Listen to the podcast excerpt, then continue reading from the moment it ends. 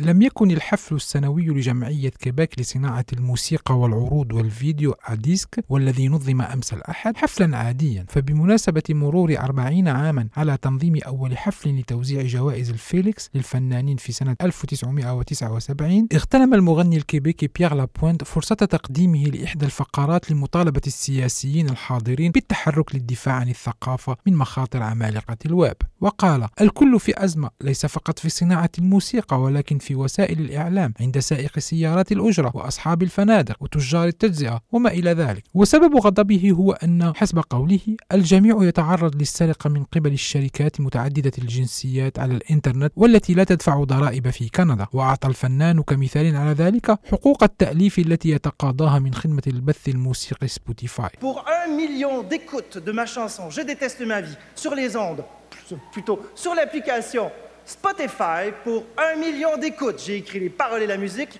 J'ai touché 500 dollars.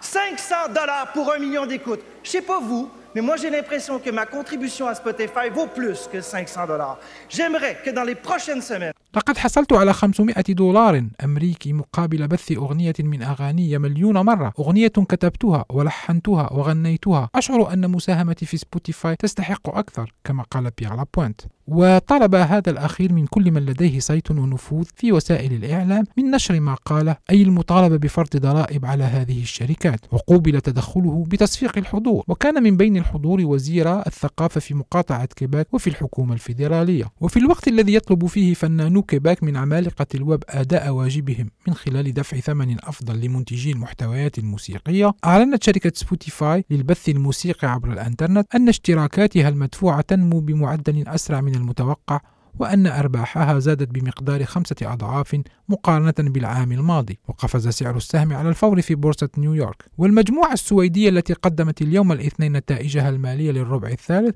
تجاوزت قليلا توقعات وول ستريت بعد أن كشفت أن لديها الآن 113 مليون مشترك في الخدمة المتميزة بريميوم بزيادة قدرها 26 مليون مشترك أي بزيادة 31% من العام الماضي. وذكرت مجموعة سبوتيفاي أن صافي دخلها بلغ 267 مليون دولار أمريكي بينما كان 48 مليون دولار في الفترة نفسها من العام الماضي. واكتسب سهم الشركة والذي كان أداؤه ضعيفا منذ بداية العام في وول ستريت أكثر من 14% في بورصة نيويورك قبل الساعة الواحدة ظهرا يوم الاثنين. ولا تزال شركة سبوتيفاي التي دخلت البورصة في أبريل نيسان 2018 أكثر خدمات بث الموسيقى شهرة في العالم تليها خدمة أبل ميوزك ولا تزال اشتراكاتها المدفوعة أقل من اشتراكات نتفليكس التي تضم 258 مليون مشترك في خدمة بث الأفلام والمسلسلات التلفزيونية.